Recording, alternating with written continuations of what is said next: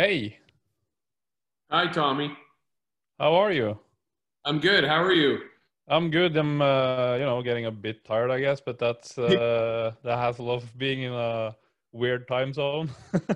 Yeah, you are. Uh, what is it? Midnight, uh, twelve thirty there. Yeah, 12:30.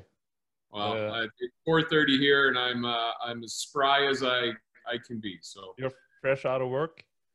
fresh out of work. Yeah, Yeah. just uh, drove home and grabbed a a cold drink on the way home. It's a nice warm day here, so uh, I'm excited to uh, get to know you and to chat with you. Awesome. So, uh, what's the temperature like uh, in, is it, which city is it again? Yeah, I'm in Calgary, Alberta. Yeah. So out west, close to the Rockies, and today I think it was about 24 degrees Celsius, which for me is pretty hot. Oh, yeah. We we uh, we don't get up too high in the in, in the Rockies here. Maybe 30 might be like a heat wave. Yeah, so it, it's probably a bit like the Norwegian climate, I guess. We have a lot of uh, snow and they use tons of salt in the winter, and you have a lot of rain, and it's a nice day if you have 30 degrees. Uh, do you use the Celsius or the Fahrenheit scale? We do Celsius in Canada. Awesome. Yeah. Yeah, because uh, you're a bit more reasonable than the Americans, I guess. Yeah. Well, we're we're a little mixed up though because I never measure myself in kilograms. I okay. drive in kilometers, but I actually know zero to 60 times are more important to me than zero to 100 times. We're all over the place, us Canadians. Yeah. We're caught in the middle. Yeah, yeah, that's good. But it's it's at least you're not driving on the left side. So Are we? No. Yeah, we are driving on the right side. yeah, Yeah. yeah, exactly. I had to think about that. so that's a good start. Yeah. Um, I noticed uh, the recording started automatically, but um, what I'm gonna do is I'm I'm probably gonna cut out the the beginning here. Um, All right. Just have a sort of pre-recording chat. Um, so just to give you the sort of the gist of what this is about, it's uh, the idea is to have. Um, I own and uh, operate a, a detailing, uh, not a detailing company, but we sell detailing supplies um, Okay. in Norway. So we're pretty fresh. I had a small company that we converted into to a larger company. I have uh, two employees working with uh, warehouse management and one girl for content creation. And I guess the idea is to have uh, uh, content that sort of sets us out from the uh, say the competition because they have a lot of uh, content that is purely sales driven, uh, only to sell products, which is that's not really my motivation for for selling products. Of course, it's a it's sort of a nice side effect of doing the stuff, but the the, the uh, thought behind it is to to provide value to whoever's watching the content instead of having you know a bottle of shampoo and pushing it in their face. Um, so in that thought, I have always wanted to have um, well, I've been running a, a Norwegian podcast about detailing for uh, two years. Um, so we're the longest running and the, the only one publishing weekly episodes here in Norway. Um, and I guess it's a it's a small scene because there's uh, five million Norwegians. So in a lot of countries, that's just a small city. Yeah. um, I But, had no uh, I- idea your population was only five million.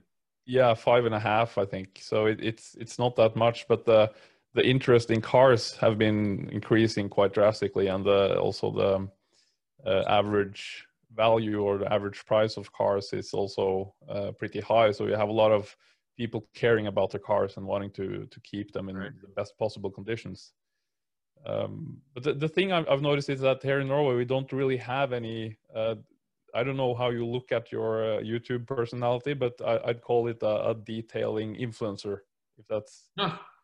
Yeah. something like that. Because I'll take it.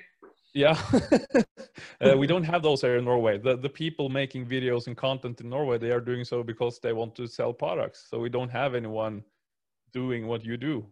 Um, so in order we have some people but they're they're just uh, they're on facebook and they're posting some pictures. They're not doing any videos and uh, uh, they don't have the attention to detail that i've seen in your videos. Um, So I guess I, I can't remember when I first saw one of your videos, but it's it's probably I don't know when you started, but maybe two years ago, three years ago. Yeah, could be. I think that's, that's when I started two or three years ago. I started becoming more regular with my uploads, but the channel yeah. actually turned my first upload. I got an email today from YouTube, a notification saying it's been five years to the day that I made my first YouTube upload. Wow. So yeah, I'm, I'm celebrating my five year anniversary Congratulations. as a YouTube influencer. but I, I've, you know, the, the type of content that you're creating is um, i guess the reason people watch it is because they have uh they like to see going from dirty and not that good looking to clean and nice and and good looking enjoying the process of watching how you get there so yeah. i don't know if you're um because a, a, lot of the content you're putting out you have uh, full on details from what i can see and i guess that's also maybe differs a bit from a lot of the stuff other people are putting out because um, it, it I sort of I believe it's a bit more genuine instead of having an agenda with making the content you just put out whatever feels right yeah. for you or is the way I feel about it yeah Tommy I'd say you have a very clear understanding of what what it is I do um, I really use the YouTube channel as a way of celebrating what I do yeah. I'm not the other way around like a lot of people that sit back and sort of, uh, you know, formulate a plan of what, what should I do? I just yeah. sort of, I, I'm, I'm a teacher, you know this, I teach full time. I enjoy detailing on the side as a hobby. And through, through the channel, I've got to meet a lot of people who yeah. appreciate what I do and so, for instance, this summer, I was contacted by many people about, uh, would you possibly be interested in detailing my car? And I was like, yeah, let's do it. Yeah. And um, so I do that stuff because I enjoy doing it. And then I enjoy turning it into a video opportunity. But I don't have a master plan of I should put out a video about this. I should put out a video of that. And it's interesting because in the comments on my videos, uh, I'll get something like, could you please do a 2006 Dodge Charger? It's like, that's yeah. not how I work. Uh, can you please do a C7 A7 Audi? I'm like, well, if my friend buys one and phones me and wants me to detail it, you will see me do an A7 Audi. So um, it, it's sort of what I do in the garage comes first. And, and that's really all I care about. And then I, whatever I'm doing in the garage, whether it's sorting out my microfiber towels or doing a full inside outside detail on a RS5 like I did this past weekend, I turn it into a video. Yeah. Um, so it, it's so, it's not you're, you're not creating the content. Uh, the the content is created by documenting what you're actually doing, and exactly. I, I, think that's part of the success. Um, Thank you. You probably don't have any goals as to how many subscribers and views and everything. It's just a cool thing to have. It's hard not to get caught up in the numbers. I'll tell you because yeah. you know people, people judge success by numbers, and a lot of comments I get start to get in my head. And it's like, why don't you have as many subscribers as this guy? Why are you only at 15,000 subscribers? And it starts to, to wear away at your, your you and you're like, yeah, why don't I? Why aren't yeah. I a large success? But I, I, I'm, I'm very fortunate in, in that this is just a hobby for me. Yeah. But I can see people who are in the detailing industry and understand the power of YouTube, how that can really start to influence what it is you do. Yeah. Where like like we were just talking about, I just sort of let the content create itself by virtue of what happens to me on a daily basis. So mm. it, yeah, it's it's unique, I think. But but have you have you uh, does YouTube give you like a estimate on on the growth of your channel? Is that uh, are they sort of pushing this expectation of of growing onto you, or is it uh do they have a more I passive? Think, I don't know as much about YouTube as probably a lot of people do. Um, I just get an analytics report that I look at. It tells me how many new subscribers I gained that day or that month. Yeah. I look at uh, how many views my latest upload has had. And I will admit I've been a little uh, pre- preoccupied with that lately because I've, I've often heard that if you want to grow your viewership, consistency is the key. And putting yeah. out consistent videos is something that I've struggled with because I don't consistently do details. I don't consistently spend time in my garage. The summer is obviously my big busy time. So I, I was able to put out quite a few videos this summer. So I've been really sort of seeing where those videos go and how many um, viewers it brings to the channel. And um, it has been a very good month. Like it's definitely been my greatest July of this this year had been my greatest month in the number of views, the number of new subscribers. Um, I kind of made an informal goal in my mind that wouldn't it be great if I went back to school in the fall and I had a 20,000 subscriber YouTube channel. Yeah. And it didn't quite get there, but I think I think uh, I, I don't have any. Well, we have a YouTube channel, but it's it's just a mean of of communicating the the content that we want to to know you the, to to spread the competence and to give right. people the confidence that we're a nice shop to buy stuff in. Uh, so yeah. for our sake, it's more of a, a platform for uh, creating content and not well, we are documenting what we're doing, but it's it's more of the other way around. But uh, the idea is that we're also wanting to have more of an organic reach where people actually can look at the video of how to do some uh, maybe a bit more specific like this is how you clean a leather steering wheel and then we yeah. can have people looking at that without having the product focus on the, the video because that's not our focus. But uh, i guess also as you say the yeah. you have your best month that you've ever had. That that's really exciting because I've, I've i'm not a big youtube i don't spend hours on youtube watching stuff but i've seen what you say that if you are consistent on what you put up YouTube recognizes the interaction that the viewers have with your channel and they, they can see that, okay, you're putting out X videos per week, per month, whatever. And then they notice that, okay, the viewers, they watch the video for a certain percentage of the length of the video. And then they know that, okay, people stay on YouTube for watching your content and they push the like button and they comment on the on the video and then i guess the algorithm sort of kicks in and and yeah. maybe gives the video a life of its own um, I, I had a quick look yesterday at your videos. Uh, is it the A6 detail that is the one that's most has the yeah. most views? And that really made no sense to me, and still sort of the the friend of mine. His name's Daniel. That's his car. He was he was chatting to me the other day, and I said, "Hey, by the way, your video is still my all time most viewed video," and he thinks it has something to do with him, his popularity. Okay. We we we can't figure out why certain videos just take off and other videos that I feel deserve more attention, they just sort of uh, grind yeah. to a halt. It's it, it's almost a cruel game YouTube plays. I uh, guess it, in some some ways it would be better not to have the view count on the videos because then you could uh, use all your focus on creating content instead of looking at the views. But uh, yeah, yeah, yeah. There's a part of me that you know the vanity and the ego of it all uh, it does start to get to you. You know, it's it's. Luckily, I have a wife who keeps me very grounded in reality. And when I yeah. walk into the house after finishing a detail and I act like a rock star, she says, "Would you please go get some bread, Mister Rock Star?"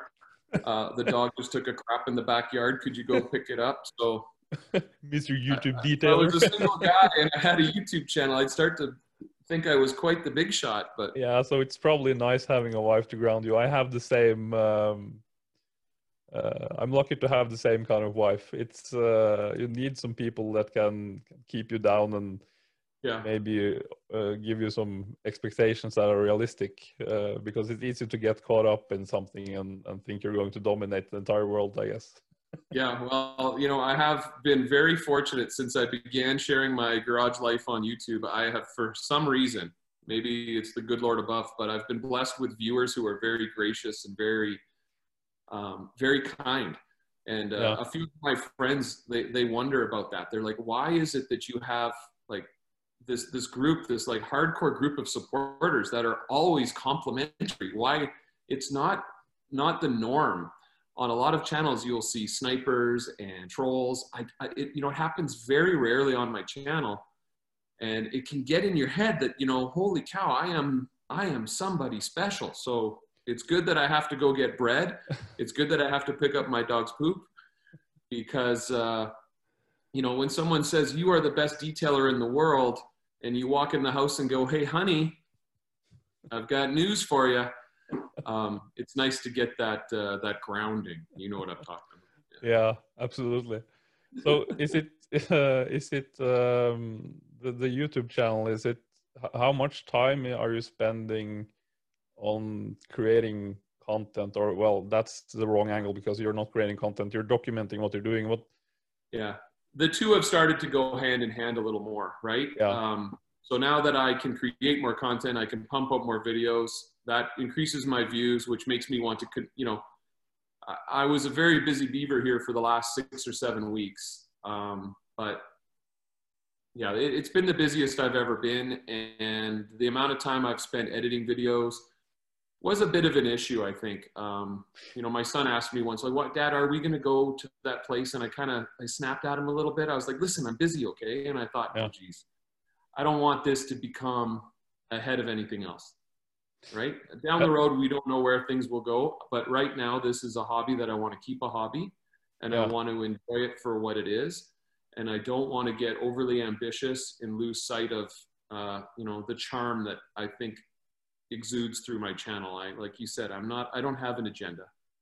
I'm not trying to, uh, is, is it is it i guess uh, the cool thing about youtube is that it, it is actually realistic to have uh, i don't know if you're monetized your channel but you can uh, you probably need uh, quite a lot more views but it, it's possible to make a nice living off of it. But then again that's sort of scary because it can go away overnight. Oh um, i've seen yeah that would be a very fickle that's a fickle industry to get into. Yeah.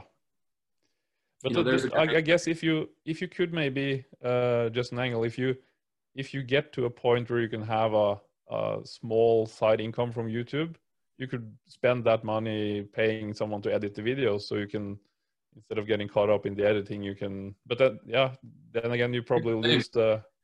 I'm a control freak. Yeah. I like the way I like them, and I like doing the videos. So I I yeah. I've had my wife or my son uh, try to help me. Within five minutes, I'm like, get out of here. You're, you just, you're not doing it. And they're like, well, don't ever ask me to help again. And I'm like, I won't. I, uh, but that being said, I have to compliment your son because I, I watched uh, Dream Dream Garage, the Detailers Dream Garage, and boy, he knows how to handle a camera. Yeah, he was pretty proud of himself. So was I. Yeah, he, uh, yeah, he did a he, good job yeah i i don't know what it was it's all of a sudden he became this really good well you know what he's been doing is what a lot of kids have been doing during the pandemic is they've been uh, on tiktok and creating lots of videos to keep themselves entertained so he has a pretend youtube channel so oh, okay. i'll hear him upstairs going hey guys welcome uh, to the sam channel so i think this this whole pretend vlogging thing sort of paid off for him on that one Yeah, he, he, he's only nine and a half. I think yeah. in a couple years he'll be a pretty good apprentice. Yeah, so yeah. he's he's becoming a, a, sort of a mini Rick in in the. Yeah, he is. He, he's becoming obsessed with cars and driving now. He he wants to get his learner's license the day he turns 14. We're allowed to get our learner's licenses here. Yeah. And he's already started to read the book on the rules of the road. So yeah, he's he's my son as sure. long as he doesn't take the keys and go for a drive, I guess that's that's perfectly fine. We had one case here uh, close by where a, a seven-year-old snuck out. Oh wow! Yeah, that's. Uh, well, I hope not. I hope not. I, I hope I've raised him better than that. yeah, hopefully. okay, so um, might be that I'm not actually going to cut out as much of this because it's uh, it's a nice start on the on the episode, the chat we had here. Um, but I do I have a couple of uh, questions or a couple of uh, you know uh, topics that we that we can go around. Uh, I haven't set a specific time frame for the episode. I think it's just uh, you know taking it on the gut feeling, as we say here in Norway. Some free time. Yeah, let's go for it. So um, basically, this concept is is something I've uh, called "Inside a Detailed Mind." Is the sort of uh, I guess it's still a working title, but it's I think it's something that fits the the, the agenda of the of the show that uh, I want to pick your mind or the the, the guest's mind about uh, what is it that makes you do what you do, what is it that gives you the drive and the passion, and uh, talk, just talk loosely about that because it's for me it's uh, if, if it's business or, or hobby or personal I like talking to people and I like getting to know you know what what was it is it that turns your gears? And i think a lot of people in the detailing industry or in the car care business there's a lot of shady stuff but a lot of us are doing it uh, well, you're not per se in the in the industry since you're not actually making money from it, but you're bitten by the the same bug that we all have. so, getting to sort of having an understanding of how people in the in the um, detailing scene are put together and the the screws they have loose because I've been told I'm not uh, particularly well put together uh, in the yeah.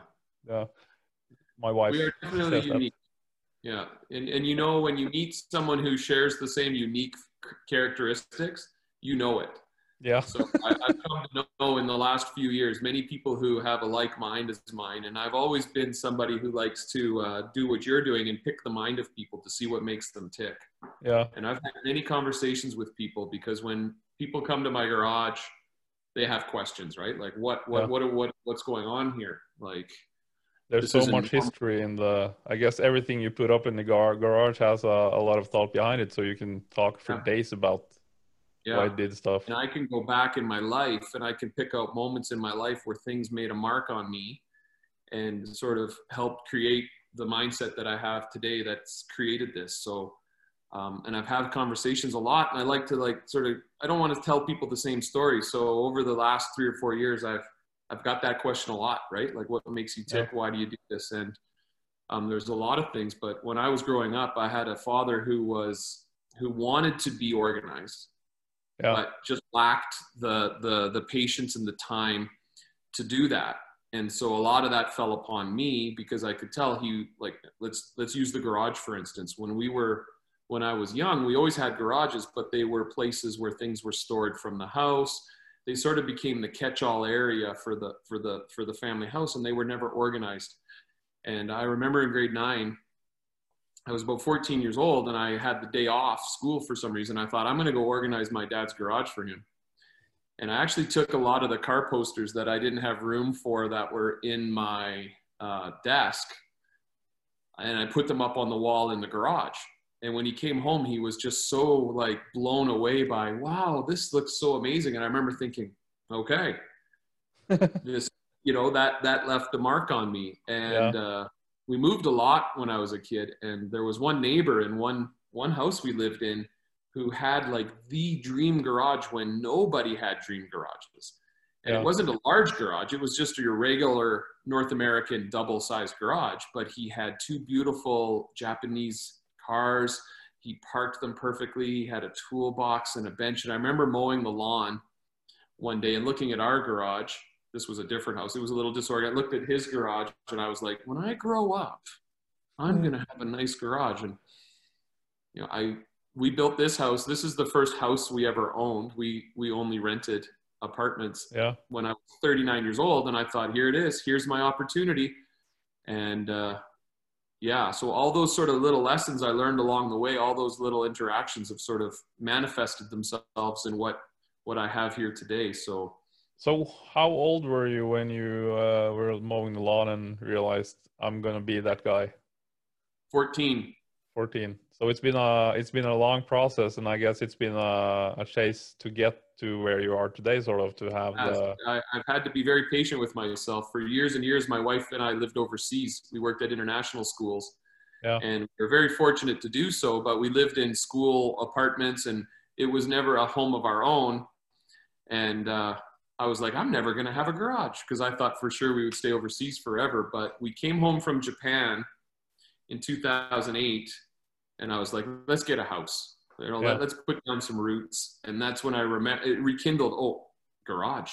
and so when you build a new home in Canada, I don't know what it's like in Norway, but sometimes you can have a lot of input into uh, how yeah. things are put together. And oh yeah, you know, obviously we cared about all the areas of the house, but when it came down to the garage, I said to the to the sales lady, I said, I'm really into garages. Are like, are you guys going to be able to work with me? And she was like, we can do anything you want, and uh, they pretty much could, but is it is it uh, common to have uh, this is a sidetrack, but is it common to have a lot of uh, freedom when you design the houses, or is it is it regulated by city? More and, and more, I think, because uh, new home sales are so competitive here, um, that the owner that is the thing. The the people building these yeah. homes they that input, right? We watch that home and garden television it's like the most popular network here in North America. So people see what they want and they would want to work with a builder who's going to work with them. Yeah. So I haven't heard of a new home builder that would reject a, a homeowner's ideas.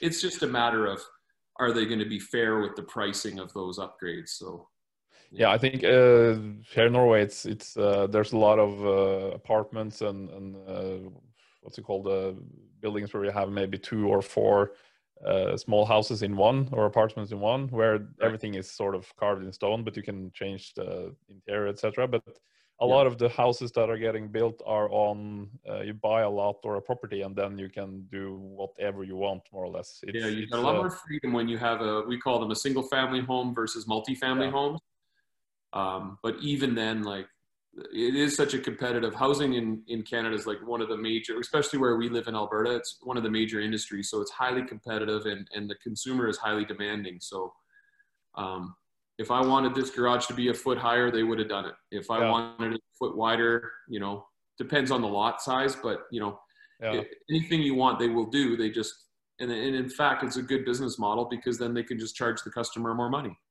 So of course, then you get what you want. Everyone wins. I guess the the I haven't. Uh, we have a, a, a pretty big house, but uh, we have two garages, but they're nowhere near to the standard I would want them to be. But it's not been a priority to to put them in that shape yet. But the, the biggest sort of issue I kind of have uh, with garages here in Norway is if you have water in the garage, you need to have a um, I don't know what it's called. It's you need to have a sand trap, and then you need to have an oil separator because it's not allowed to have water without having a, a drain uh, and that's kind of a pain in the ass. So having a garage where you can actually wash the car inside, etc., is it's a bit uh, complicated. yeah, I hear that from European viewers from all over the continent about yeah. you know, I think Europe leads the world when it comes to those kind of like that. That's one thing I admire about Europe is they've got a long-term vision on how do we keep this planet, whereas we're still uh-huh. over here in North America, you know, woohoo Let's... Yeah, I was about to say it, but it doesn't help when you have all those jackasses in pickup trucks that drive around spewing out exhaust. Well, Canada's in again. Canada's caught somewhere in the middle between Europe yeah. and America, right? We we Absolutely. we love freedom, but we also like restrictions too. Yeah, so yeah. Um, we're in this uh, constant state of flux here. I could have installed a drain in this garage when we um, when we built it. It was just a little out of the price range, but it would have yeah. just been tied directly to the storm sewer system, uh, just basically like flushing a toilet. But now I'm starting to hear that uh, the, the codes are changing. Uh, depending where you are in Canada, they may require a separator. Um, yeah. But yeah, it's we're, we're not nearly as uh, regimented as it is in Europe from the, from the sounds of it that being said, I'm not complaining because if you look to Sweden, uh, parts of Sweden, and almost the entire of Germany, you're not even allowed to wash your own car at home. I heard that today. Yeah. So uh, I guess it could be worse. yeah, I. It, it's exactly it. You can. You, you could be living in Sweden. yeah, it could be worse. I heard of the tax rates in some of those European countries too, and I'm just like, okay, I I'm fine with Canada. I guess you could also be living in California and, and having to only do waterless washes, don't use the water. That would also be pretty terrible. Well, like there's no perfect place, right? Um, yeah. I get that in the comments all the time. Like you're lucky. You're, I, I think you're lucky. And it's like, no, I, I always make the joke. Um, I can't live anywhere where there's earthquakes or snakes. and uh, there's very few snakes in Alberta. I haven't seen one for years and years, and I've never experienced an earthquake here in Alberta. So anything else, I'll take it as long as I don't yeah. have to worry about those two things. I think that the the most uh, another sidetrack, the most um, dangerous animal we have in Norway is the the the bee, the the the yellow one. I don't know if that's what what it's called because of the allergy. They kill a lot of people. Yeah. Yeah, and then we have probably the moose because it kills people if they hit them with the cars. So it's a pretty safe place. Yeah. I've never been kicked by a moose, but I don't want to be. No. I'd rather not. so I wonder who um, would win, a Norwegian moose or a Canadian moose. I'd probably put my money on the Canadian moose. I think the I don't know if the Canadian moose is a relative of the Alaska moose, but I've seen some videos of the Alaskan moose, and boy, those are uh, pretty big. yeah, I think they are the same breed because uh, I see moose once in a while here, just just to the west of where I live. one will go meandering across this road, and I'll just be like, "You just don't even care. You Well, just you own the road." You They're probably, probably- eight, maybe nine feet tall, like from from tail to toe. You probably need a howitzer or something to kill it. Yeah. Oh yeah, it's, it's gonna do some damage.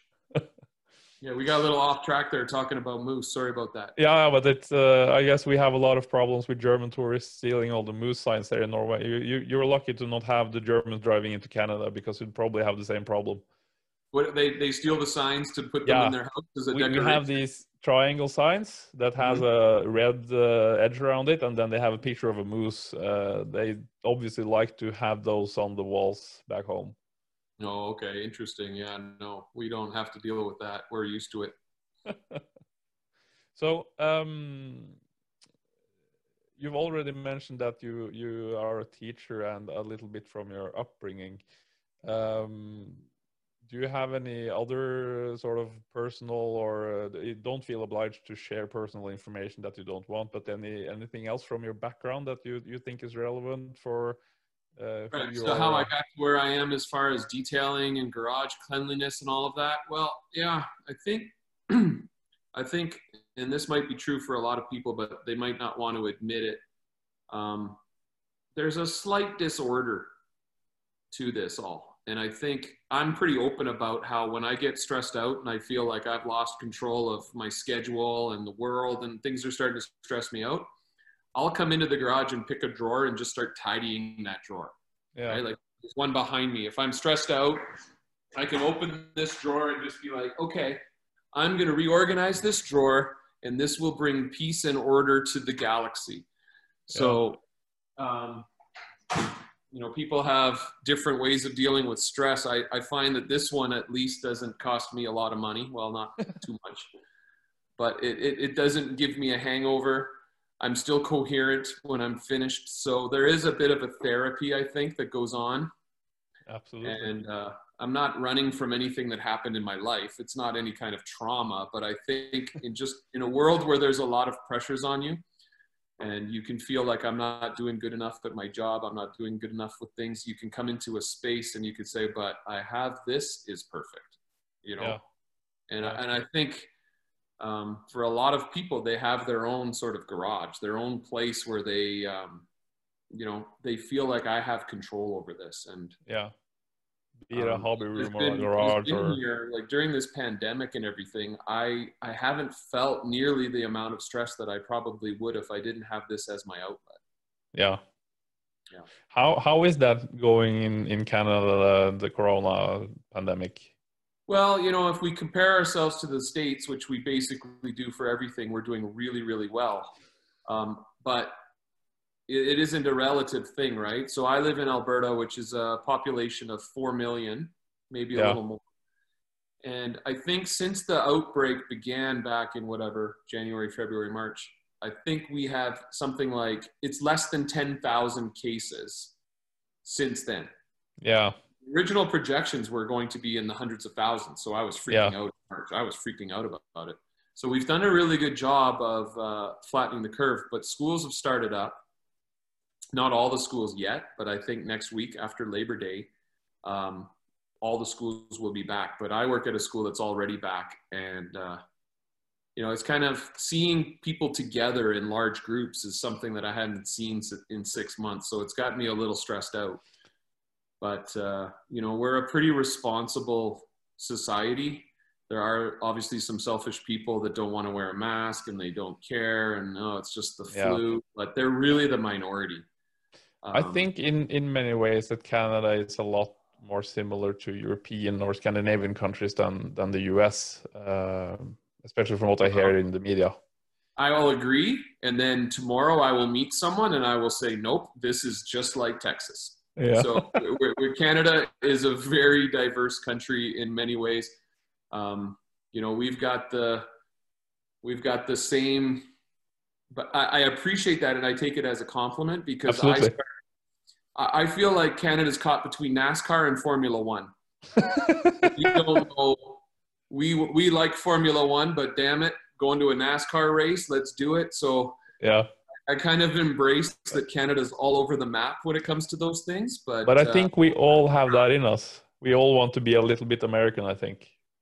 Yeah, I want to go down to the fishing hole and listen to some Alan Jackson. Like we were talking about that at work today. I, I love that. And Canada does that too, right? We Yeah. have you basically any life you want, you've got envisioned. There's someone living it in Canada and Yeah. they're living it well and uh, all the power to them, you know? Yeah. It's it's uh I think it's uh but but for sure I think the, the your healthcare system is uh, is probably a, a lot better than than the US and I think that also has a a pretty big uh, impact on the on the way a pandemic is handled because uh, that's uh, from my understanding one of the biggest issues in the US is how the healthcare system is not working. Yeah, well, it is universal. Uh, I hear a lot of people talk about the free Canadian healthcare, and I, I, I have a problem with the word free. We pay for that. Um, every every time you get a paycheck, you can see a piece of it go to this free Yeah. healthcare. But you know what? I'm I'm very thankful, and for you to bring that up is actually kind of coincidental because this past weekend, I performed a very special detail on my friend Dave's RS5 Audi, and he's a doctor, he's a surgeon, and I met him through detailing. Like he heard through a guy about me, so I've I've been I've known him for a few years, and when when we were back in March and April, and in the real thick and the real fearful part of all of this, I said to him, when this is over, when this calms down, I want to give you a free detail because at that point, everyone was retreating from the virus, going home, locking down. And these healthcare professionals, I'm going to get a little emotional, they were going to work every day. Yeah. And they, they signed up for it sort of by, you know, going into that frame of work, but not, not an ep- ep- epidemic. So No. uh, when he he and I didn't talk to him for months, right? Like I was doing my thing, he was doing his thing, and then when he finally said, "Hey, listen, the summer's almost over. Is there any way you can clean?" He's got two cars. Can you clean one of my cars? I was like, "Yeah, I will, and I'm gonna make good on my word." And he said, "No, you don't have to do that." And I was like, "No, I need to do it for me, just so that I know I've given some kind of thanks to these healthcare Yeah. professionals." And when I see people that are not being respectful of this virus and are being just, you know, let's be honest, they're being stupid. I Yeah. just think to myself, you just you have no idea what these healthcare professionals are going through on a daily basis. I've been back at school as a teacher for three days, and I feel like I've been on a battleground. You know, I feel Yeah. like I've been the front line, and it's nowhere near the front line that the hospital and the healthcare workers are. So I'm very happy that Canada has a good reputation around the world for having a healthcare, and it's all just people, right? Like we have Yeah. hardworking people, and they're they're still fighting though. In Alberta, we're not exactly in a place where it's getting all political now. Um, That's- that's fine. Is completely supportive of our healthcare system. There's a little bit of a war going on right now with the government that runs the province and the healthcare, and it's um, when it comes down to it, and you're in an emergency, you, you don't call a politician, you call a doctor. You know, you call an ambulance. Yeah. So there you go.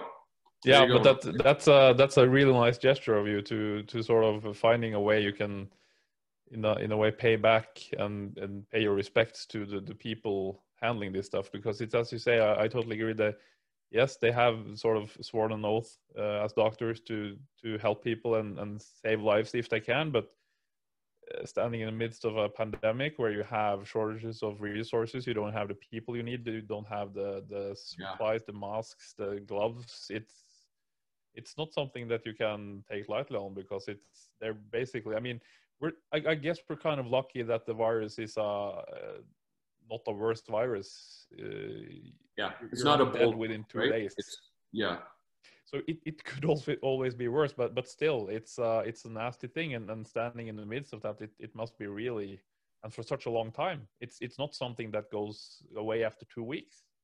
No, as we're learning. it's, Um, it's it's probably going to stay with us for a long time.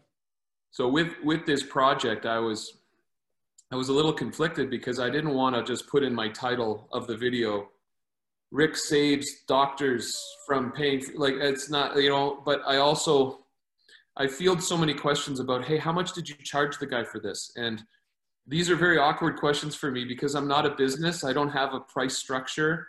I have a general idea of how much time it's going to take me to do a project, and then I'll say, you know, if it's going to take this much time, I think this is a fair price. But um, and it's an interesting thing too because at first I was going to clean his car. I was going to clean it really well, maybe finish it off with a finishing spray wax or some kind of spray sealant. And then as the project was happening, my doorbell rang, and I had been waiting on a delivery from a company in the states called Ethos. Yeah. And uh, they the package arrived. I had been waiting for it. It contained the graphene coating Oh that yeah. everybody's talking about, and I thought. I'm already eight to 10 hours into this project. Do I have the time? And I thought, you know what? Dave's a good guy. He's going to be my guinea pig. I'm going to I'm going to use his RS5 as the guinea pig for my first time applying this coating. But then if you're going to coat a car, you have to make sure the paint is in as good a shape as you can get. So all of a sudden the job just started to grow and I was like, can I charge him a little bit? Yeah. but it's funny. Most of the people that have a deep, uh, their car detailed, they they know that they dropped it off at this time and they picked it up at this time and it looks great. I think what's fun for me is I say to them, in a day or two, you're going to see the video of what happened to your car. yeah. and I imagine that, and I know they enjoy that. Yeah, exactly. It's mind blowing. And uh, Dave texted me after he saw the video, and he was like, "Dude, thanks so much." Yeah. Like, you know, they think they know what goes into these things, and let's be honest, even the video doesn't even capture all of it. But Yeah. uh, that's what I really like. I really like that. I said to my wife when he was about to arrive to pick it up, I go, "This is the part I like," and she was like, "Oh, here we go." Always detail. And I said, "No, he's coming, and he's gonna, you know, we're gonna see his reaction." And I just feel that immense like pride that, hey, listen, look at what I did. It's it's pretty impressive what detailers do, and I think detailers are finally, I think, getting the respect in the automotive world Oh, that yeah. they deserve. Right? Absolutely. For years, it was like, oh well, if you can't swap an engine, you you're not a car guy. Well, there's a different kind of car guy now, and he he's got science, he's got art, he's got experience, Yeah. and I'm really I'm really proud of the detailing community. Yeah. And and it's it's funny that you do you bring the graphene coating up because that's something I wanted to to ask you about. This uh, do you have any thoughts on and, and have you tested? I haven't seen that video, but there's a You lot of hype going on, and we don't actually have anyone supplying these graphene coatings in Norway yet. But I, I'm I'm thinking someone probably will pretty soon. Yeah, I've been. I find when I'm busy with projects, I don't have enough time to get on the internet and research everything. But yeah, you got to be living under a rock to know that graphene is this. You know, um, I, I know you've you've you've chatted with Matt Mormon. Yeah. Oh man, he had a good rant a few di- a few weeks ago about graphene and how it's it's no different than ceramic and. Uh, Yeah, you know, there might be people out there that think it's this whole new thing. It's from a new planet in the galaxy, and it's going to make your paint last forever. And you can throw rocks at it, you know. Um, but I think for those of us who know, it's just a new take yeah, on the ceramic technology. And I'm no chemist by any means, but what I noticed with the graphene is it's very similar to the whole process of coating with a ceramic coating. yeah, Um, I, I You wish I would have had a non-black car to play with the first Yeah. time because my vision is starting to get a little. I'm getting a little old, and I need to get glasses. But the pandemic has thrown that. I don't want to go anywhere. No. So I was looking to see it like it, it rainbow. I could see that, but according to uh, the Ethos team, you need to wait for this cloudiness to appear, and then you know that it is bonded, and you can wipe away the excess. And I was like, I don't, I don't, I don't. Is it cloudy? So I went with time as my my factor, and I was running out of time. And this is interesting. So I was doing a panel, and then I would do another panel, and then I'm like, okay, I need to get that other panel off. But when you're doing a door, like you've you've ceramic coated a car, right? yeah. Well, a bonnet. I Okay. can't actually. That that's it. You what? Only a, a bonnet, like uh, the, the Oh, yeah. cover. You've only done the hood. Okay, so if Yeah. you do the hood and then you wipe it away and then you're like, where did I, where was I? Was I right in the middle? So I, I'm, I'm always worried I'm going to like to put too much coating there. So I was doing things in quarters. I would do this quarter and then this quarter, wipe this one away and then this one and then this one. And anyway, I got myself so confused. I missed uh, a portion of the, the roof just above the windshield. I think you call it the windscreen. What do you guys Yeah. call it? And I was like, oh shoot. So I go back and it's gone all white and frosty, and I'm like, oh no, because I heard Brian at Apex Detail. He's he's somebody that I look up to because he's so smart. He said he needed 3,000 grit sandpaper to remove this this coating. I was like, oh shit, I don't want to have to wet sand this car. So luckily it hadn't cured. It takes I'm sure it takes more than 10 minutes to cure, but like it Yeah. was all white and chalky. So I think what happened was about halfway through that job, I started to realize what a newbie I was at this. Yeah. And I think I don't think I'm ready to give you my honest opinion about graphene because I think there were a lot of mental things happening with me and my nervousness. Um, I have a feeling it's just as easy as ceramic coatings. Um, Uh, some of them, you know, yeah. I'm. I'm I'm feeling you were really happy that you had an RS5 to test on. Probably the best feeling in the world. Like, oh shit. It- yeah, Dave, yeah. Dave is a particular guy too. He he's yeah. oh yeah. You're just gonna have to ignore that one white chalky patch that I had. I'd never see him again. yeah. Yeah, I, uh, yeah, I, it was a bit of a pressure cooker, but uh, I, I wish I could keep the car for a while and see how this coating performs. Right, I want to be there with him the first time he takes it to a car wash and you know, just watch the water explode off Yeah. the paint. But um, a lot I of times, guess that's the that's the long term test to see how it actually compares to ceramic coating. Yeah, so I've I've kind of resigned to the fact that you know you mentioned salt. We have probably seven months of constant salt on the vehicle, so I've I've kind of limited my capacity to one year for a ceramic coating. If after a year you think your ceramic coating is still there, I think you're kind of naive here. It's not Florida. It's not you know North Carolina. It's it's brutal and it's so Yeah. cold. And then it's warm one day in Alberta. So we have we don't just have cold, we all of a sudden have these fluctuations because we have these warm Pacific winds that come over the Rockies. So we're going from plus 10 one day to minus 30, minus Yeah. 20 and they're constantly putting snow on the or sorry, not snow, salt on the roads. So every fall I'll polish off whatever residue or remaining residual coatings will there will be and I'm going to try the graphene and I'm going to and I'm going to see like I've used probably five different coatings on my car, maybe three. Yeah. Well, no, my other car I use coatings. I have a lot of experience in seeing by fall, by the by or sorry, by spring how things are going. Yeah. Um, but yeah, like from what I'm hearing from people, they're they're saying it's a very long protection. But Uh, you know, from my experience, is that a lot of the products are are hyped up, and it's uh, a Hmm. marketing uh, game for a lot of the people selling. So it's it's. I'm always skeptical when there's something new, but of course, there's probably some chemist somewhere behind it that actually has a a chemical view on it and not a marketing view, and that that's sort of. Uh, I try to ground myself with the thought that okay, some really smart guy has probably made this, and he knows it's good but some other people are sort of abusing that and using it as a, a way to earn money and, and make it a 10 year ceramic coating or a 10 year graphene coating. yeah, and then you've got installers possibly not doing it the way it, the chemist thought it would be done. You've got different different paints, different conditions. Yeah, I And then you have people washing their cars with acid and God knows what they use to wash. Yeah, this You- is so- interesting. I, I, I, I haven't bounced this off anybody, but I had a comment a while ago about um, I, I notice on a lot of the trim on especially the soft rubberized trims on cars here, it goes gray in Calgary really Okay. quick.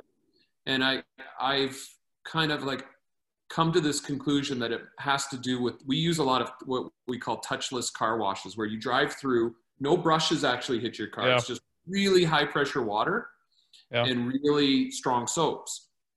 And I don't have any of that happening on my car ever. And I've never used one of those with this car. But my other car, I used to think touchless was really one of the only solutions for the winter. Is and then I said to somebody in a video, one of my washing chats, that I think the the reason a lot of the trim fades is because of the the the strong corrosive soaps that the, Yeah. the commercial car washes use. And then some YouTuber was like, "What are you talking about? The the soaps you detailers use are way stronger than the ones used at car washes." And I was like, No, I don't know how they run stuff in, in Canada, but uh, when it comes to this was also something I, I wanted to ask you about. Uh, here in Norway, we have a particular way of washing our cars that is uh, pretty much unheard of in the in the states and in a lot of European countries because we have a, a I'll, I'll, get to the thing you're talking about, but to take it from the bottom, we have a lot of asphalt roads in Norway. Uh, right. We have a lot of not so good gravel roads as well, but the asphalt roads they have a composition in the asphalt that is uh, particular for the Norwegian climate. That is, it's a lot softer than what you have, say, in Germany. So we need to use a lot of uh, oil-based degreaser. Uh, it's um, I don't know what it's called in in English, but it's a naphtha or um, white spirit, whatever it's called. So it's basically a, a distillate of, of petroleum that we put on the car from the bottom and up to the, the windows to remove the asphalt and tar, and also to help solve the, the, um, the salt from the winter. Uh, because the, the thing is, in, in, in uh, the, a problem in the wintertime here is that we have the dirt accumulating in the road is a product from the salt melting the ice and uh, the the snow and everything and then it, it bonds with uh, metals and all sorts of nasty stuff that's in the road. And this gets thrown onto the paint. So uh, in order to get that solved you you can't use only water because then it won't bite on the on the compounds or, or the uh, mixture of, of dirt etc so we're having to use this oil-based degreaser and then on top of that, we often use an alkaline pre-wash, which is probably the, the thing you're talking about. But this rubber, um, is that sort of the, the rubber you have uh, between the, the paint and the, maybe the chrome or the black list? Yeah, exactly. A lot, of, a lot of times around the windows. Yeah. It's just, it's a little bit more flexible and it creates that, that, that strong seal when you shut your doors and your windows. Yeah. That's I, I, I, personally haven't seen this problem in Norway, and we, we probably are doing. I know we have a lot of of, of uh, heavy uh, degreasers. They have uh, alkaline pre-washes that has a pH value of uh, 12, 13, 14 that we use in in our uh, what's it called? Sorry, my garage door is going up and down right now. Yeah. My son went oh. skateboarding, so I'm. It's, it's kind of noisy, and I, it's almost shut.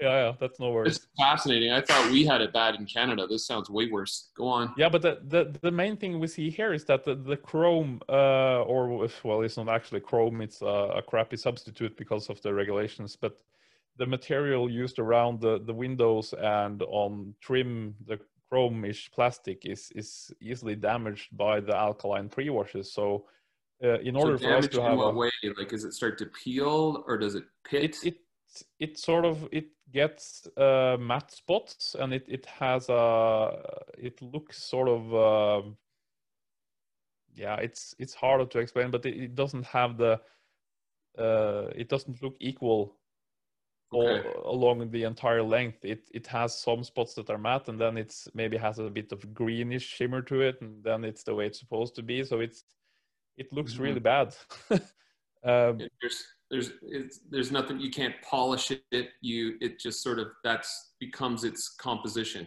You can but you have to use a rotary and a spot pad and have uh, a couple of hours to spend because it's a goddamn hard material to polish.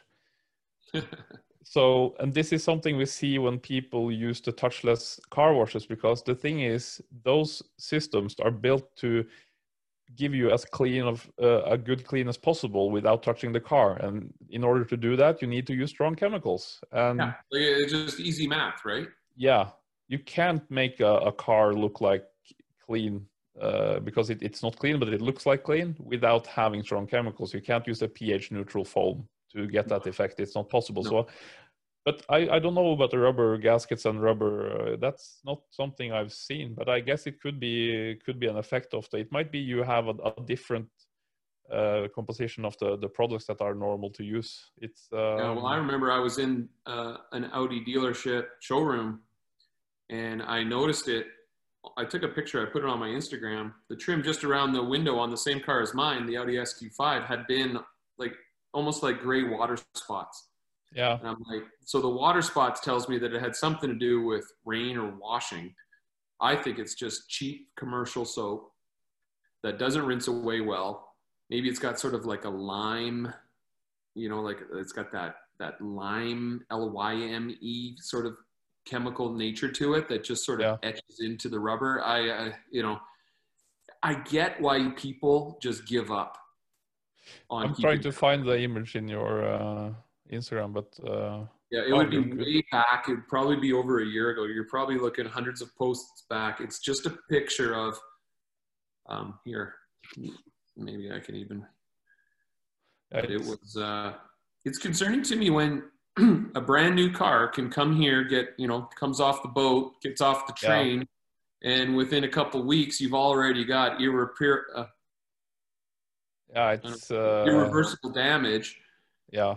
Um, I guess it's it's partly because of the the regulations that the the producers or the manufacturers have to comply with the uh, environmental friendly processes of of doing the surface uh, coatings and the uh, treatment of the different materials. It's it's impossible for them to fulfill all those requirements and make a surface that withstand all those uh, Yeah. harsh chemicals yeah. and yeah Yeah, and as as a perfectionist, when someone brings me a car and it, it's sort of it's a difficult decision to say, listen, this black trim is not going to look brand new no matter what we do.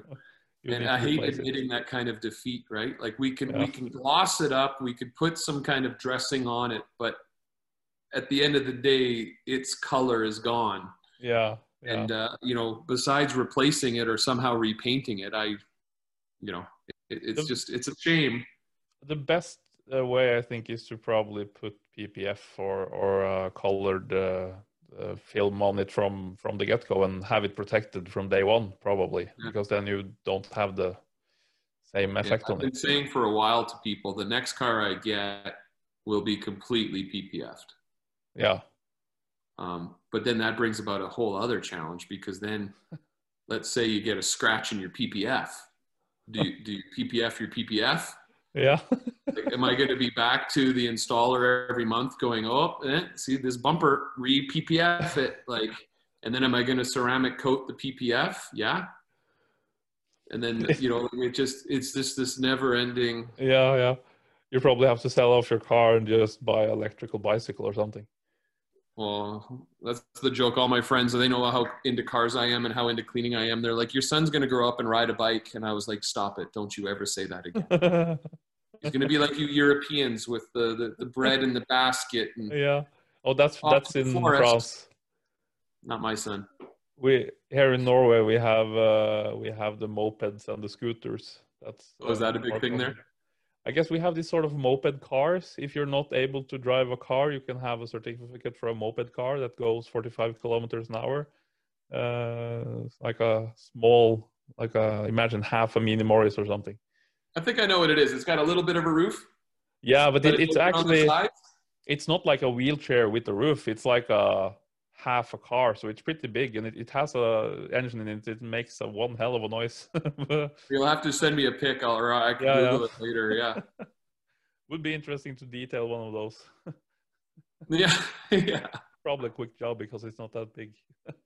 so, but but when it comes to uh, to the washing process, do you have or do you use alkaline pre-washes in your normal washing process? No, How not really. So, um, the people that I work with and myself take good care of our cars, right? So I've never, I've never used an alkaline pre-wash. I do use now a uh, an insect spray because uh, uh, in the summer the insects are bad. I'm sure they are there too. Yep. But even those cars that come to me with a lot of insects on them, they haven't been on there for days and days. They've been on there for a day or two. So I still use um, a spray that sort of loosens the bug guts, and then I spray that off with my pressure washer. But, you know, a lot of the cars I work on, I could honestly, I could go straight from, I could just give it a quick rinse, and I could go to a two bucket wash with my wool wash mitt. Yeah, But- it- it- but it's not a heavy um, you know in the winter with the salt and like the the thick mud that has the salt i will do a usually i'll use like an optimum no rinse and i'll just pre-rinse it with that and then i'll pressure wash that off before i foam it and once i rinse off the foam the car's pretty much 95% clean and then i finish with a, a, a, a, a two bucket wash to get that last 5% of it off so that that's probably the biggest jobs is like when the car's been a month without a car wash during the winter. yeah. Yeah. But that that's fascinating because are are you the Optimum No Rinse? I I know this product, but I haven't really been using it a lot. Is it do you, do you spray it on or do you work? Yeah, so I have one of those pump sprayers. Yeah. Um, and this is all like I've learned this from comments from viewers. So I use I perform rinseless washes in the winter. I've done some that probably make people cringe. I've I've I've used rinseless wash on a car that really should not have any. There should be no biz. No one has any business doing a rinseless wash because the dirt is about that thick. Yeah.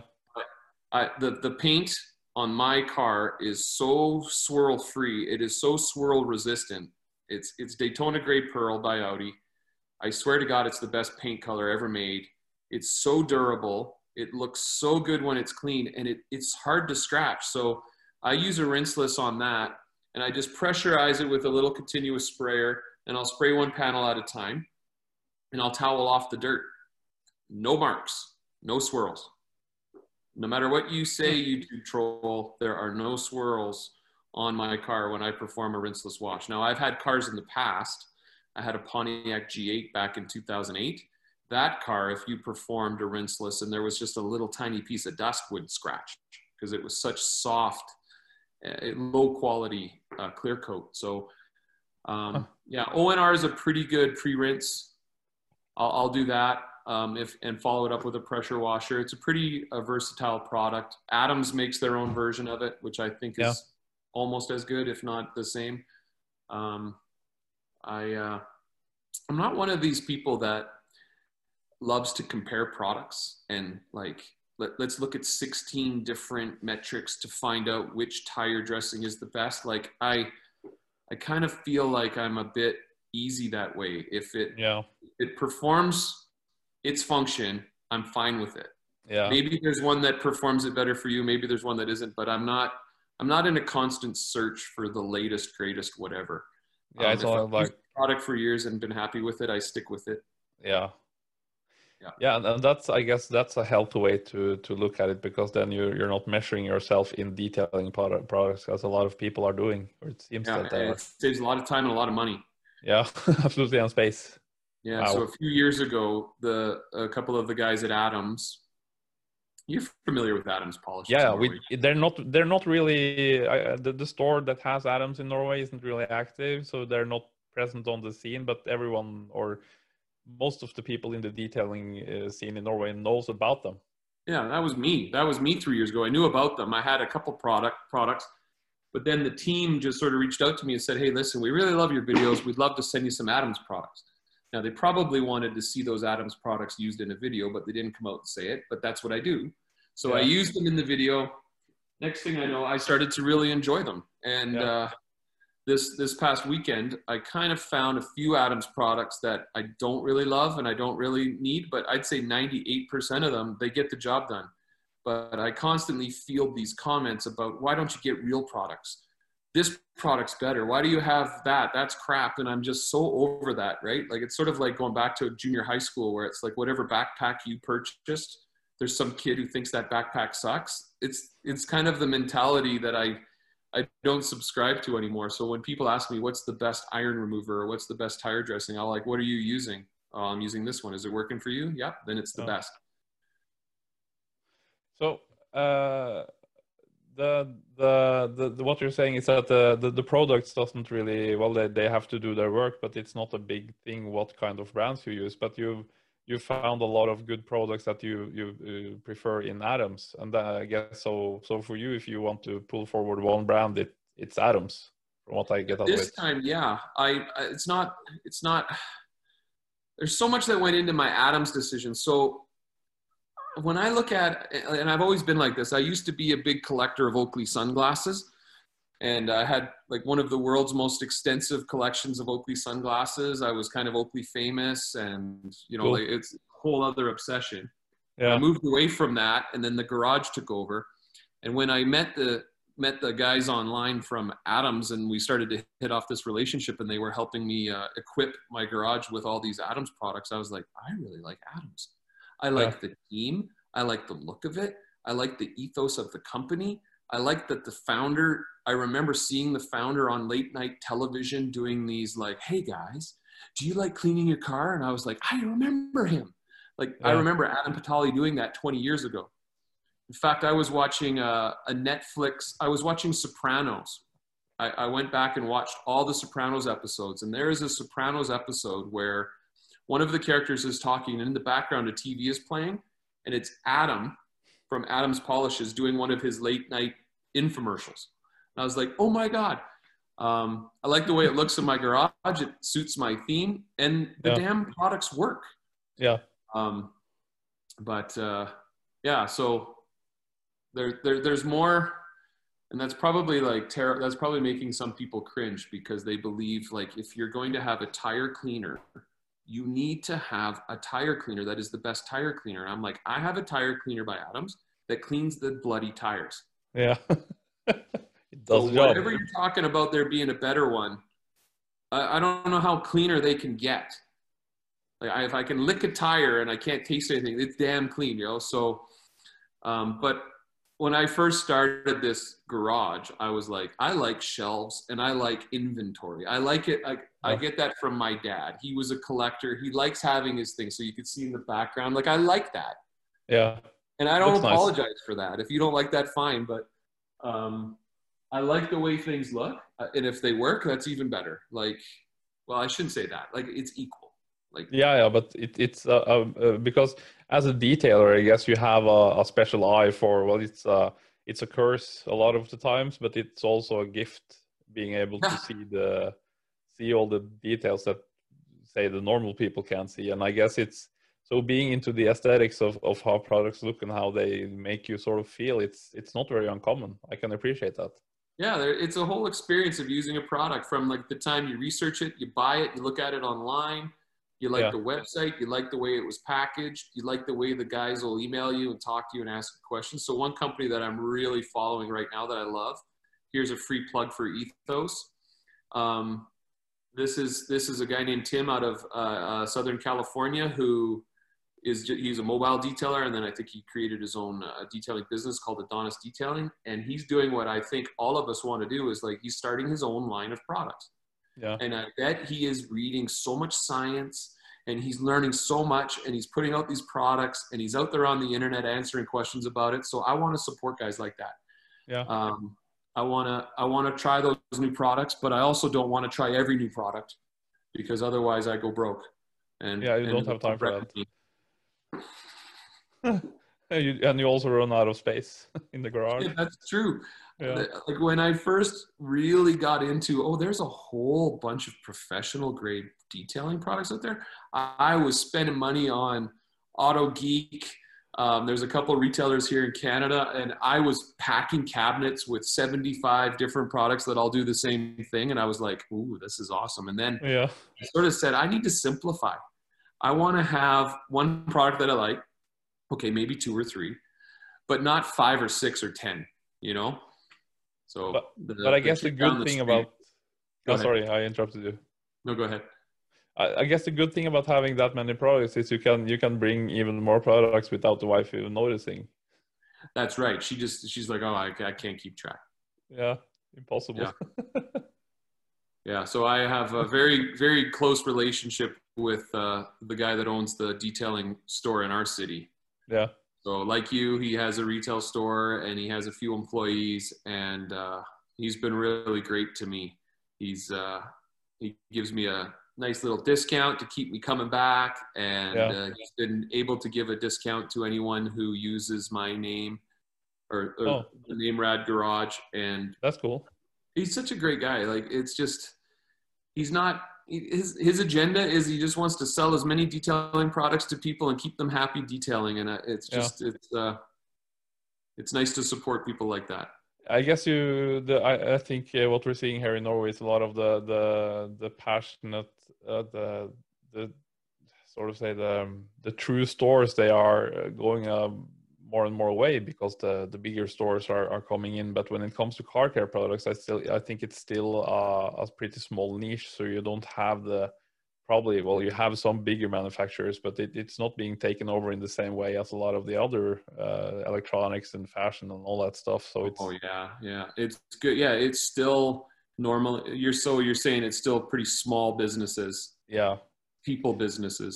But uh, uh, we're seeing uh, uh, our store is online. We have a pickup point that you can visit in Oslo and pick up stores, but it's it's an online store. Physical.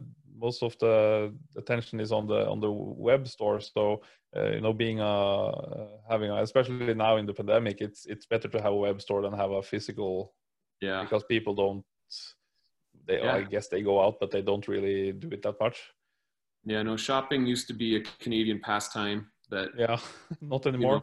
now now it's, it's picking up again, but uh, sadly, a lot of people didn't survive it. Can you do groceries online in Canada? Uh, well, so you can. My wife and I, we post, we we place an order online for groceries, and then I just have to drive there and pick it up. yeah. Uh, there are services where it will get delivered to your house, but here in Canada, they say we'll be somewhere, uh, we'll be there sometime Tuesday. And it's like, oh, I, I need a little Okay. bit more of a okay Tuesday when it's light out. So yeah. most people still go to the grocery store and pack their own groceries in their car and drive it home. But yeah. yeah, but it's interesting because Chris at Cardzilla does a lot of online business. He's he's kind of Canada's number one online retailer, and when I go visit him, I, I'm lucky that he's in the same city as me. I Yeah. walk in there and it's just like all these boxes that are going to you know Burlington, Ontario, Maple Ridge, BC, and then there's like just like maybe one or one or two customers per hour that actually come to the store, but And you're like Um, a kid in a candy store, I guess. Oh, it is. The first time I went there, I was expecting like this big, this big store, like you know, like the electronic stores you were talking about. I thought Yeah. it, it, this little, this store could probably fit in my garage, and Yeah. it's just it's packed with such an awesome array. Like you, you can you can look anywhere, and there's like an, a very high quality product. He vets he vets his store so well, and only really carries things that uh, have a good reputation. So yeah that's really helped really fuel my passion is that i have this retailer that is Yeah. so personable and uh, supportive and he's so close What is it? Uh, uh, it's a it's a bit of change of subject, but what is the favorite sort of detailing task, or um, what is it you like the most when you detail a car? oh yeah Is it going out and getting the products, or is it driving the car for getting it washed? Is it washing it? Is it uh, what part is it? yeah I- you know what for me i think it is when when i'm all finished and i'm you know things sometimes go perfectly the whole time sometimes they don't. I'm all finished i'm tired and i sit down after uh, I'll, ha- I'll have a drink and i'll sit down at my computer and i download all the footage and i start putting that footage in. It kind Yeah. of takes me back to the parts of the process that i really enjoyed and i edit out when the hose got tangled around the tire and when i swore because this this window cleaner smeared when it shouldn't have. I feel like my videos romanticize what I went through, but then I can kind of sit back and I can only concentrate on the parts that I really enjoyed. And I'll tell you, when I rinse a car with a power washer, when I put the foam on, I usually, uh, well, I most times I'll power, I'll pressure wash that foam off. Yeah. But then I'll do the two bucket wash. I use a soft rinse and I just sit back and I watch the water hitting the car, and I know that that car is now 100% clean because I've gone through those two processes, and I just I just love that the water and the sound of the water. I'm just like this is awesome, and I also like drying the car. So I used to use only my car dryer, but uh, like recently I started using this really big fluffy drying towel and when I drag that towel across and then I use my uh, air dryer to get all the water off it, now I know it's perfectly dry. I find those things quite satisfying. Yeah. I love I love it when the tire goes from being okay, like it's clean, and then you go over it with the dressing and now it's just like black like night. Oh yeah. I love that. I love I don't love vacuuming. I can see why a lot of people don't do interiors. Um, you get salt that get that gets into the carpet. It becomes rock hard, and like Yeah. I think there's been one car in my my whole time of detailing, I was able to get all the salt out of the carpet. For every other car, you have to give up at some point and say, I just can't get it all out. It's too deep. It's too old. Do you have any special products on the market for uh, for do dealing with the salt? No, so I was I was I was saying to uh, one of the guys, he's uh, he's one of the product engineers at Adams. You need to have a salt remover, and you yeah. need to have a Canadian approved, because I am still using uh, vinegar and water, and I'm I've you know there is something that I've I've picked up called Salt Eraser. It's just a yeah. foaming cleaner. Uh, I've used Adams multi-purpose foaming cleaner. I can loosen that the top level of the salt, I can break it down so that it goes back into like liquid form and I can get it out with uh, manual labor or with uh, an extractor. But there is this hard encrusted bottom layer of salt that just basically bonds with the carpet, fi carpet fibers. And yeah. I have yet to crack that. And I, I, I know people on the internet are like, oh no, you just need to do this and you do that and then you 50 this and dilute that. And it's like, you don't know the kind of salt that I've seen in my, you don't know, it's like a sad song. You don't know the salty pain I felt. uh, my sister-in-law, she, God bless her, she just doesn't care about salt on her floor. So for three years, this salt had been compiling in this one spot and it was harder than like marble. Yeah. Um, yeah it's it is it is the bane of my existence so i actually in my car i've cut up a black microfiber towel and i put it around the edges where the floor mat is flat and the water can come over i've got like protection there because i'm so paranoid about it yeah we do, we do have some special products here in norway but i, I can't decide if it's a, a marketing trick to sell or if it's actually working uh, well if you if you sell a product uh, you send it to me. I, I don't. I don't. I'll, I'll pay it. And, I, and and and if if if it works, I'll make a whole video about it because I have yet to find a salt product other than just good old vinegar. But I don't but think the, anybody's come up with anything. Here in Norway, we have uh, two of the biggest online stores. They launched, uh, or the one of the biggest online stores. They launched a product for uh, for dealing with salt, and I, I think it's i'm pretty sure it's actually an american product i think it's called salt away or something like that salt uh, away salt away uh, mm-hmm. there, there's probably different uh, products for the i think the origin of this is is using on the the trucks that salt the roads to prolong the lifetime of the car so they don't have to invest in the in a new truck within seven years they can wait until it's nine years to treat it with this but then I've seen a study yeah. on it, and turns out that this stuff is so expensive to use that in order to it, for it to have an effect, they need to use thousands of dollars worth of these chemicals to actually prolong the life, and then it's not really that much of a uh, saving. But in your yeah, case or in our case, it's it's not a matter of uh, saving money or not having to replace the carpet. You just need to get the goddamn stain out. So it's, yeah. it, it it might actually work for that. Well, I maybe there's some but something out there. Uh, I just for me it just comes down to do I have eight hours to spend on this one one portion of the floor? No, so you're gonna live with a little bit of salt. Saltawayproducts.com. Uh, website doesn't look really good, but uh, th- that's the product that were launched here in Norway, and they sold bucket loads because they said it would help with removing the salt on the paint, etc. But I don't know. Hmm. I'm not sold on it. I haven't tested it myself, but I have never had any problems getting the salt away from the paint. No, carpets I've never is something that. else. Yeah, to me, it's carpets, and I think some yeah. cars' carpets are just worse. Uh, part of the reason I really enjoy detailing Audis is I find the carpets are the easiest to clean. The paint is just super high quality. Yeah, it is. It really is like. But but wouldn't the solution be to put in rubber mats on the winter? Well, we do have rubber mats, and I had at my other SQ5, I had three sets of winter mats from three different companies. But just depending on the design of how your floor is in your car, if you have like so you've got the pedals on this side, you've got your feet on this side. So yeah. when you accelerate, obviously the water comes back, right? And a lot of Audis don't have a, like a, like a little lip. So the water will go right off these rubber mats, clear the clear the rubber mats, and now it's underneath the oh. seat in the carpet. Okay.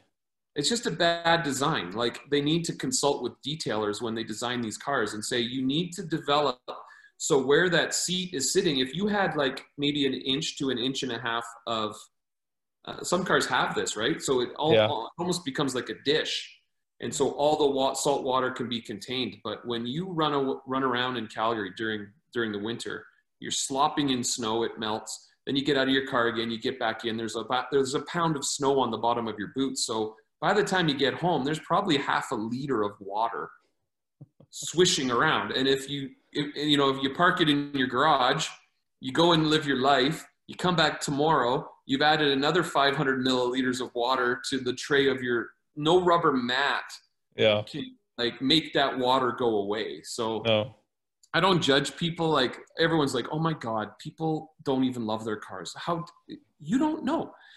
Spend a week going to hockey practice with your kid, and you, all of a sudden, a week later, you know you've gone in and outside of your car 20 times. You look and you're like, oh, I got I got water all over the carpet. And then that water dries up, and what are you left with? The salt residue. So Yeah. Great.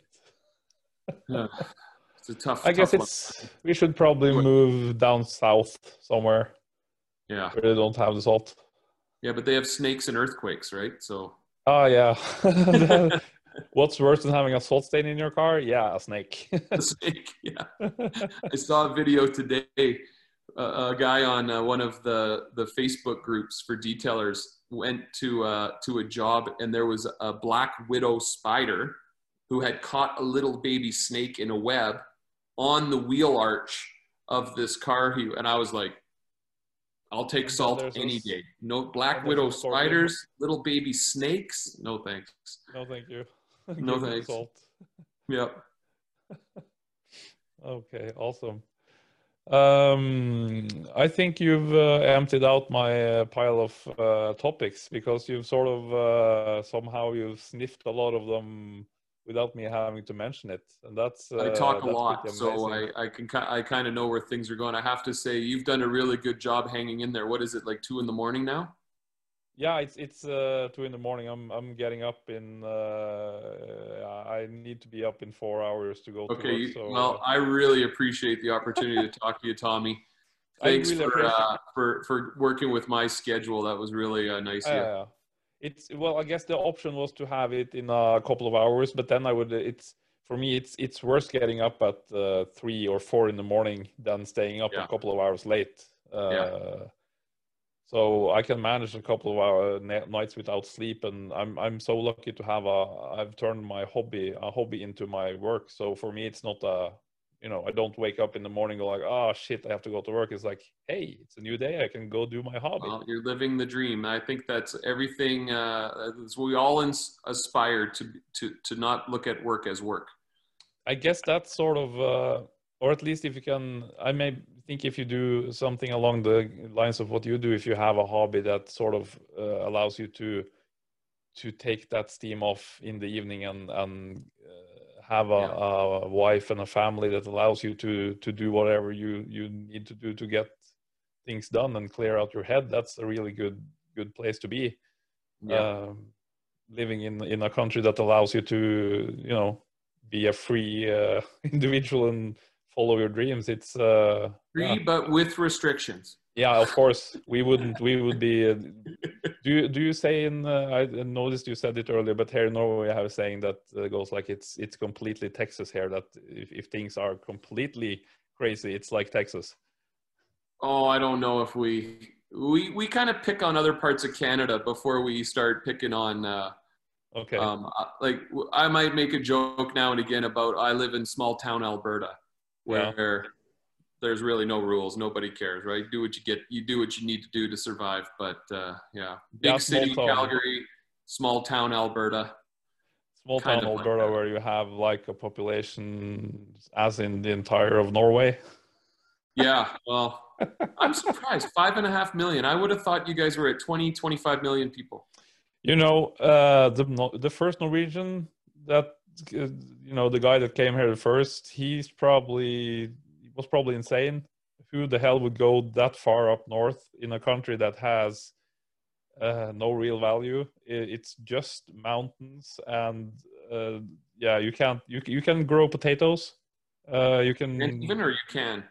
you, you can grow potatoes. That's about the only thing you can grow, more or less. Uh, I'm exaggerating a bit, but Yeah. there's nothing really and you you know for sure that in in within the next 10,000 years, Norway is going to be gone because of the next ice age. so, so it's a good thing that we're thinking about the climate, as you said, but for what use? yeah. Well, I'll, I'll learn a little more about Nor- Norway. You have me a little fascinated. I do know that your government has done a wonderful job of compiling its oil and gas wealth.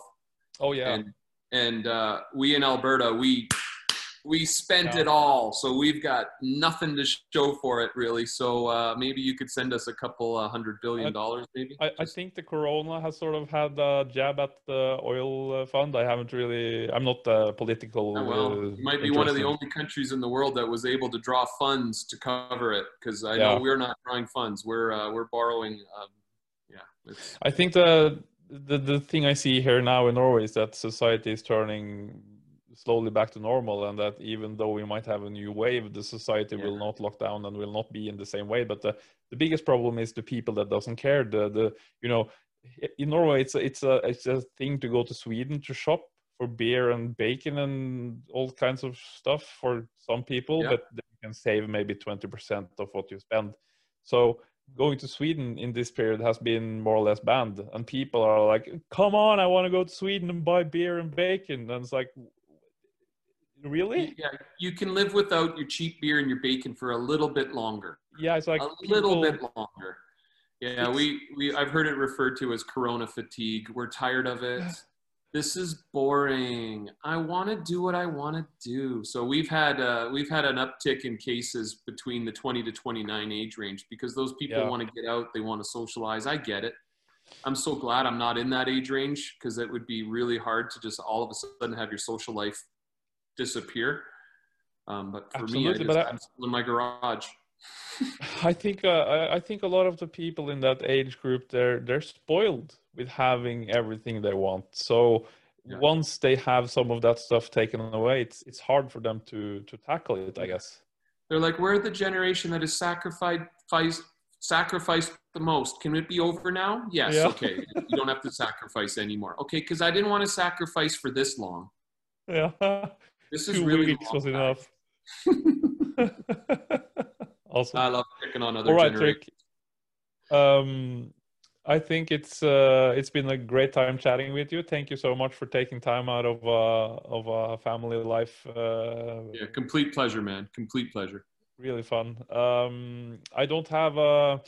Well, my plan is to put the the audio up on. Uh, I haven't created a channel yet, but uh, I have a Norwegian speaking podcast for uh, detailing. But I'll make a separate podcast channel for the English one. Uh, it's it's not a point for me to have the most listeners. I just want to have, as I said, peek into the brains of some of the people I I see on on uh, on the internet and and have a chat and Yeah, no, I love it. have a good time. Love it. If, if no one else even sees it, I just had a good time getting to know you and, and chatting with you, Tommy. It's really cool to connect with people. And I, I just got to say, I don't know, there's a part of me that just wishes I was European, Norwegian, Swedish, give Belgian, probably not Dutch, but you know, I no, I'm just kidding. I've got so many uh, awesome Dutch viewers these days, but uh, it's nice to have a touch of Europe.